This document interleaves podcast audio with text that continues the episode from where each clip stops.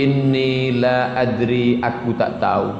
La'alli la alqakum mungkin aku tak akan jumpa lagi dengan kalian.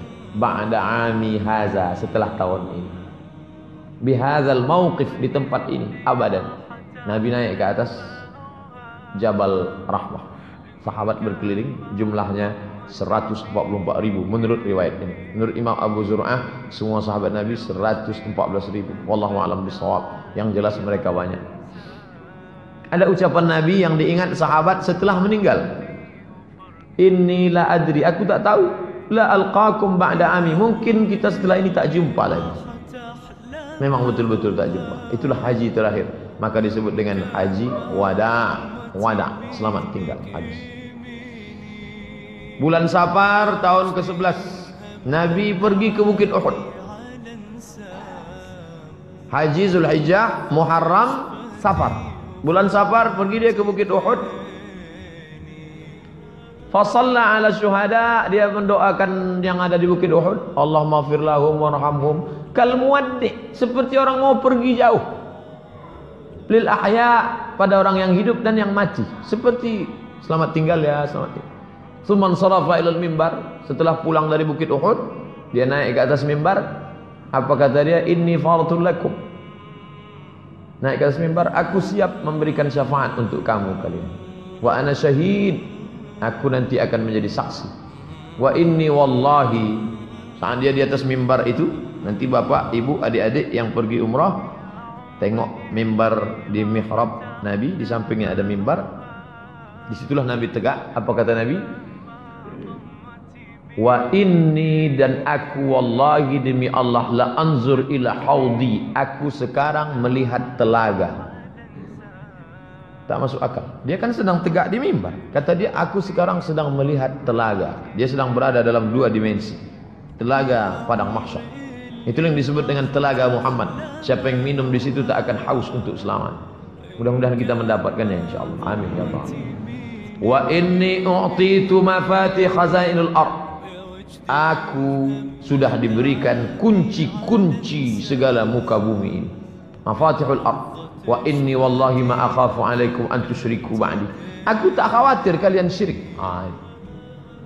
Aku tak pernah khawatir kalian syirik sesudah aku mati. Lalu yang dikhawatirkannya apa? Walakinni akhafu alaikum an tanafasu fiha. Yang aku khawatirkan adalah kalian memperebutkan dunia. Betul. Yang dia ucapkan ini bukan bohong, bukan dongeng. Kalian menguasai dunia. Islam dikuas menguasai dunia. Mana yang tak dikuasai Islam? Sekarang orang-orang Islam sudah sampai bahkan bisa menjadi wali kota di Eropa. Orang Islam menguasai Konstantinopel dikuasai. Nampaknya saat dia berada di situ, dia bisa melihat bahwa Konstantinopel akan dikuasai Islam, Mesir akan dikuasai Islam. Padahal saat itu belum. Aku sudah melihat kalian akan berkuasa. Aku tak takut kalian musyrik. Yang ku khawatirkan adalah kalian akan berebut dunia. Malamnya dia pergi ke Baki. Bulan Safar ini. Wa kharaja lailah. Malamnya dia pergi ke Baki. Ini pemakaman Baki. Apa kata dia? Assalamualaikum ya ahlal maqabir. Liyahna lakum ma asbahtum fihi. Assalamualaikum wahai penghuni kubur. Semoga kalian merasakan lebih ringan daripada yang dirasakan orang lain. Fitnah-fitnah telah datang seperti sepotong malam yang gelap Yang akhirnya mengiringi yang awal Yang akhir nanti jauh lebih buruk daripada yang awal. Fitnah Abu Jahal, fitnah Abu Lahab, fitnah kafir, fitnah. Tapi yang di akhir nanti lebih mengerikan. Dia sudah bercerita bahwa kita akan mengalami perkara-perkara yang lebih dahsyat yang luar biasa. Apa kata dia? Inna bikum lahiqun. InsyaAllah kami menyusul kamu Siangnya pergi dia ke Uhud, malamnya pergi dia ke Baki ziarah. Senin 29 Safar. Pada tanggal 29 Safar Nabi mengantar jenazah ke pemakaman Baki. Dalam perjalanan pulang sakit kepalanya. Falamma raja'a ketika pulang wa huwa fit tariq aqadha sudah, sudah sakit kepala. Wattaqadil hararah, panasnya tinggi, suhu panasnya naik sampai panasnya terasa di atas kepala di bantal itu kalau dia duduk terasa panas saking panasnya suhu badan Nabi sallallahu alaihi wasallam tapi Nabi tetap salat selama sakitnya itu berjamaah 11 hari tetap salat berjamaah panas pun tubuhnya, tetap dia datang sholat berjamaah, sholat berjamaah, sholat berjamaah, sholat berjamaah. Pekan terakhir, sakitnya makin menjadi-jadi. Rasulullah dibawa ke rumah Aisyah. Dibawa ke rumah Aisyah, dipapah oleh Fadl bin Abbas dan Ali bin Abi Talib. Duanya sama-sama sepupunya. Fadl anak Abbas, Ali dibopong, dibapah karena dia tak bisa berjalan. Kemudian Aisyah membacakan Al-Falaq, dibacakannya An-Nas, dibacakannya ayat-ayat doa-doa, kemudian ditiupkannya ke tubuh Nabi, kemudian ditiupkan ke tapak tangan Nabi. Itu maka kalau ada keluarga kita sakit, Fatihah, Qul Falaq, Qul Wallah, Qul Falaq, Qul Binas, tiupkan ke tapak tangan, diusapkan ke wajah, ke kepala, ke badan. Aisyah mengambil tangan Nabi, Aisyah membaca, ditiupkannya ke tapak tangan Nabi untuk mengambil barokah. Roja al barokah, mengharapkan barokah dari tapak tangan Nabi Sallallahu Alaihi Wasallam. Hari Rabu 7 Rabiul Awal. Suhu panas Nabi makin tinggi. Rasul SAW pingsan. Fastaddal wajah wa ghumiyah. Dia pingsan. Kemudian ketika dia sadar, dia minta tolong siramkan air. Mereka siramkan sab'un qirab, tujuh kirbah. Tempat air waktu itu bukan ember, kirbah, kulit kambing yang dijahit diisi air. Siramkan tujuh kirbah sampai turun Kemudian dia keluar dari kamar, keluar dari kamar, setelah merasa ringan beliau pergi ke masjid, duduk di atas mimbar. Hari Rabu. Kamis, Jumat, Sabtu, Ahad, Senin. Inilah terakhir dia duduk di atas mimbar. Duduk dia di atas mimbar. Apa kata dia waktu di atas mimbar itu? Inilah yang dia ucapkan. Kata Nabi sallallahu alaihi wasallam, "Ayuhan nas, wahai manusia la'anallahu al-yahud wan nasara la'natullahu al-yahud 'alal yahud wan nasara. La'natullahi 'alal yahud wan nasara. Allah melaknat Yahudi dan Nasrani. Ittakhadhu qubur anbiya'ihim masajid. Karena mereka meratakan kubur nabi-nabi mereka dibuatkan kuil di atas. Nabi tak ingin makamnya diratakan lalu dijadikan kuil di atas. Lalu sholat di atasnya. Dan itu tak terwujud sampai sekarang Adapun yang sekarang makamnya dikasih tembok. Tak ada satupun orang yang sujud di atas makam Nabi. Ini dalil yang melarang, tak boleh. Lalu apa kata Nabi? La tattakhidhu qabri wasanan yu'bad. Jangan kalian jadikan kuburku menjadi berhala yang disembah. Jangan. Jangan kalian jadikan kuburku menjadi berhala yang disembah. Kemudian dia masih tetap di atas mimbar, masih hari Rabu itu. Apa kata Nabi? Man kuntu jalattu lahu zahran. Siapa yang pundaknya pernah kucambuk. Sahabat sedang duduk semua, lima hari lagi menjelang meninggal. Man kuntu jalattu lahu zahran. Siapa yang pundaknya pernah kucambuk, fahadza zahri, ini pundakku. Falyastaqit minhu, silakan cambuk. Wa man kuntu syatamtu lahu irdan. Siapa yang pernah tersinggung karena cakapku. Kasar cakapku, tersinggung perasaannya. Waktu aku mau mencambuk kuda mau mencambuk unta dia ada di balik kena pundaknya sakit. Dia tersinggung dia mau balas balas. Semua sahabat dia tak ada satu pun membalas.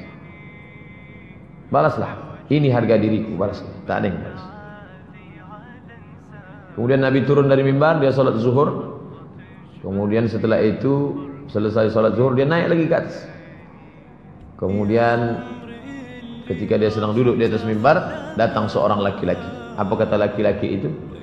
Inna li indaka salasa darahim. Ya Rasulullah, engkau ada utang tiga dirham. Waktu mencambuk tak ada yang mau mencambuk. Tapi masalah duit ingat Ya Rasulullah ada utang tiga dirham. Kebetulan Fadal. Fadal terus bersama Nabi. Karena Fadal tempat Nabi. Yang Nabi tak bisa berjalan. Fadal dengan Ali, Fadal dengan Ali. Apa kata Nabi kepada Fadal? Fadal, idfa ya Fadal. A'tihi ya Fadal. A'tihi, bayarkan Fadal. Jangan sampai di akhirat. Tengok, Nabi tak ingin mati dalam keadaan berutang. Nabi tak ingin menganiaya orang. Lima hari, Rabu, Kamis, Jumat, Sabtu, Ahad. Kamis, tujuh Rabiul Awal. Nabi masih memimpin solat. Sakit, panas, demam, tapi masih sholat maghrib berjamaah. Waktu itu ayat yang dibacanya sholat al-mursalat. Saat sholat isya, sakit makin keras. Beliau tak dapat keluar memimpin sholat isya. Habis maghrib, pulang ke rumah, jarak dari mimbar Nabi ke rumah Nabi 22 meter. Karena dia di kamar Aisyah.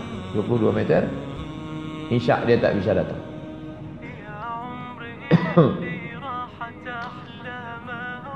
Isya zada makin parah sakitnya Aisyah Nabi berkata Oh salat nas? Ditanyanya Aisyah sama sah Apakah mereka sudah salat? Kata sahabat belum ya Rasulullah. Wahum yang taziruna Salat isya waktu itu tak Sahabat tak salat isya. Mereka menunggu engkau ya Rasulullah. Da'u lima. Tolong ambilkan air. Badannya lemas dia minta ambilkan. Ambilkan air. Mereka bawakan air Fakta salah mandi dia. Dia mau pergi tapi ketika mau pergi fa'ughmiya pingsan. Tak jadi dia sholat isya Apakah ketika dia sudah sadar ditanyanya. Asalan nas? Sudah sholat isya mereka? Belum. Mereka menunggu engkau ya Rasulullah. Mereka tak mau sholat kalau tidak diimami Nabi. Wa qa'athaniyan wa sadisan tiga kali sampai begitu. Minta air pingsan. Tak jadi. Sampai akhirnya inilah pertama kali Abu Bakar memimpin sholat Salat yang pertama kali dipimpin Abu Bakar adalah salat Isya.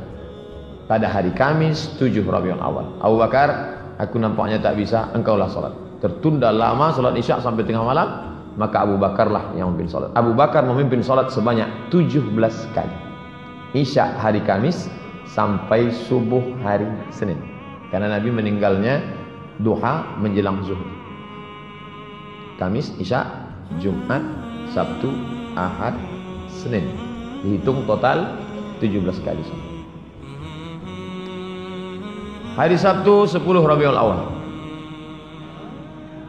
Nabi mau keluar untuk sholat zuhur. Tetap juga dia mau sholat berjamaah. Nah, ini sholat berjamaah ini memang tak ada tawar menawar. Dari awal sholat berjamaah, sholat berjamaah, sholat berjamaah. Padahal Abu Bakar sudah ditugaskannya. Tetap juga dia datang. Falamma ra'ahu Abu Bakar sholat zuhur hari Sabtu ketika Abu Bakar melihat Nabi datang Abu Bakar ingin mundur ke depan? Abu, Nabi mengatakan tidak tetap engkau Abu Bakar. Lalu kemudian Nabi mengatakan ajlisani ila jambi dudukkan aku di samping Abu Bakar. Tetap dia sholat dan duduk di samping Abu Bakar hari Sabtu. Hari Ahad. Rabu, Kamis, Jumat, Sabtu, Ahad. Hari Ahad 11 Rabiul Awal. Hari Ahad itu semua di budak-budak. Hamba saya di bebas ini. Bebas, bebas. Kalian bebas. Tak lagi jadi budak hari ini. Bebas. Kemudian ada uang dia sitah atau sab'adananir. Tujuh atau enam. Atau enam atau tujuh dinar. Semua dikasih, diberikannya ke kaum muslimin. Wa wahaba lil muslimin aslihatahu. Pedang, tombak. Dia berikan semua. Semua senjata-senjata dia berikan semua. Baju besinya tak dia berikan karena baju besinya tergadai di tangan orang Yahudi. Dia meminjam 30 sok gandum. 30 kali 3 kilo 90 kilogram gandum. Masih ada utang. Nabi SAW. Yang berperang dapat 100 miliar itu ke mana hartanya? Habis dia bagikan untuk fakir miskin. Nabi tidak miskin, Nabi tidak melarat, Nabi adalah orang kaya yang dermawan dan low profile. Subuh Senin tanggal 12 Rabiul Awal Nabi tegak lalu dia singkapkan tirai kamar di sini posisi imam di sini posisi mimbar di situ posisi kamar Nabi lalu Nabi membukakan tirai dia tengok kaum muslimin mau salat subuh Kasyafa satra hujra Aisyah. Dia buka tirai kamar Aisyah. Dia tengok mereka mau salat subuh. Summa tabassam. Senyum dia. Senyum dia melihat salat subuh. Lalu kemudian uh, mereka menyangka Nabi akan ikut salat bersama mereka. Karena mereka melihat Nabi tegak. Eh nampaknya Nabi akan ikut salat. Tapi kemudian rupanya Rasul memberi aba-aba dengan tangannya pertanda lanjutkan salat kalian. Dia tak bisa tegak. Dia tak bisa untuk berjalan ikut salat melanjutkan sholat. Dia sholat sholat di kamar. Lalu kemudian Rasul SAW balik menutup tirai. Subuh hari Senin Nabi tidak sholat bersama sahabat, tapi dia sholat di kamar Aisyah. Waktu duha Nabi memanggil Fatimah. Dia panggilnya Fatimah. Lalu kemudian dia berbisik di telinga Fatimah. Fatimah tersenyum. Bisiknya pertama Fatimah menangis. Bisiknya Fatimah tersenyum. Aisyah bertanya, apa yang dibisikkannya Fatimah? Sarani tadi dia berbisik. Fa akhbarani dia katakan anni awwalu ahlihi yatbi'u yattabi'u. Sarani dia berbisik pertama kali annahu yuqbadu fi waj'ihi alladhi tufiya fihi. Kata dia ini sakitku ini tak lama lagi wahai Fatimah dan aku akan mati. Maka menangis Fatimah. Fabakaitu lalu aku menangis. Summa sarani berbisik dia yang kedua kali dia beritahukan kepadaku awalu ahlihi. Aku adalah orang pertama yang akan menyusul dia nanti. Cakapnya itu betul. Karena enam bulan sesudah ini Fatimah pun meninggal. Jarak antara Nabi dengan Fatimah meninggal enam bulan. Nanti setelah ini engkau yang akan menyusul. Fadhahiktu, aku pun tersenyum. Kemudian Nabi mengatakan, Fatimah sayyidatu nisa'il alamin. Fatimah, engkau adalah sayyidatu nisa'il alamin, pemimpin semua perempuan di dunia. Lalu kemudian Fatimah menengok Nabi sangat sakit. Maka Fatimah mengatakan, "Wa qarau abah." Oh, alangkah sakitnya ayahanda. Apa kata Nabi? "Laisa ala abika qurabun ba'dal yaum." Setelah hari ini tak akan ada sakit lagi Fatimah. Ini hanya sakit yang terakhir Fatimah. Setelah ini tak ada sakit lagi. Kemudian Nabi memanggil Hasan. Panggilnya Husain. Faqabbalahuma. Dipeluknya Husain. Diciumnya Hasan. Diciumnya Husain. Wa awsa bihima khairan. Sampaikannya berita pesan yang baik-baik. Wada'a azwajahu. Kemudian dia sampaikan nasihat-nasihat yang baik-baik. Sakit Rasulullah SAW semakin parah Lalu kemudian Kata Nabi kepada Aisyah Apa kata dia? Ya Aisyah Wahai Aisyah Ma'azalu ajidu alamat ta'am Terasa di dalam Sakitnya Makanan yang kumakan waktu di Khaybar Ini dalil bahwa dia mati diracun Yang meracunnya adalah Zainab Istri Salam bin Miskam Aisyah Aku merasakan sakitnya. Sampai hari ini kurasakan. Fahadha awan. Inilah masanya. Wajadtu inqita'a abhuri. Aku merasakan terputusnya urat disebabkan oleh racun itu. Terputus uratku disebabkan oleh racun. Lalu kemudian ditutupkan kain penutup ke wajah Nabi. Ketika dia pingsan ditutup kain ke wajahnya.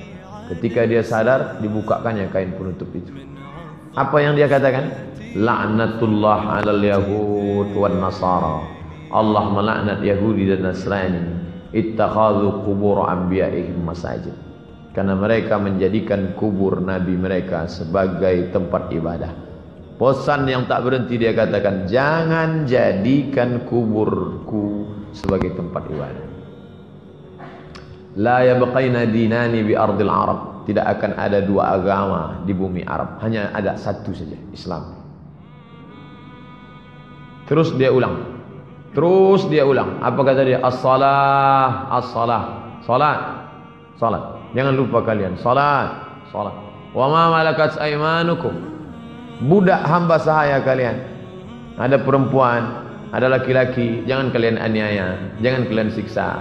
Kalau kalian sanggup seperti yang aku lakukan bebaskan. Bebaskan. Karrara dzalika miraran. Diulangnya beberapa kali. As-salah as-salah. Jangan tinggalkan salat. Jangan tinggalkan salat. Wa ma malakat menjelang siang lewat waktu duha panas matahari terik menjelang siang Senin 12 Rabiul Awal datang Abdurrahman bin Abu Bakar masuk ke kamar membawa siwak Abdurrahman masuk ke kamar membawa siwak Lalu Aisyah melihat Nabi matanya melihat siwak yang dibawa oleh Bakar. Di situ Aisyah faham bahwa Nabi ingin bersiwak.